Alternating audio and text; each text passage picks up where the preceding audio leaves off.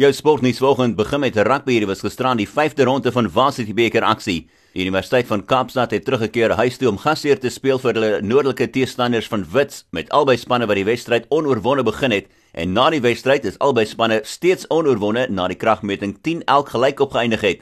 Intussen is dit die kompetisie voorloper Stux wat hulle eerste nederlaag van die seisoen gelei het.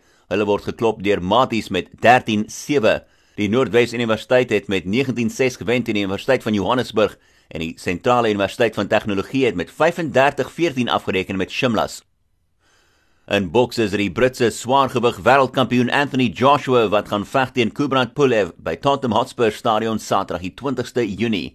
Bulgarië se 38-jarige Pulev is die verpligte opponent van die internasionale boksfederasie om vir Joshua aan te pak wat die verdedigende kampioen is van die internasionale boksfederasie, die wêreldboksorganisasie en die wêreldboksvereniging. Dis na Joshua die titels teruggewen het met 'n een eenparige puntebeslissing oor Anthony Ruiz Jr in Desember.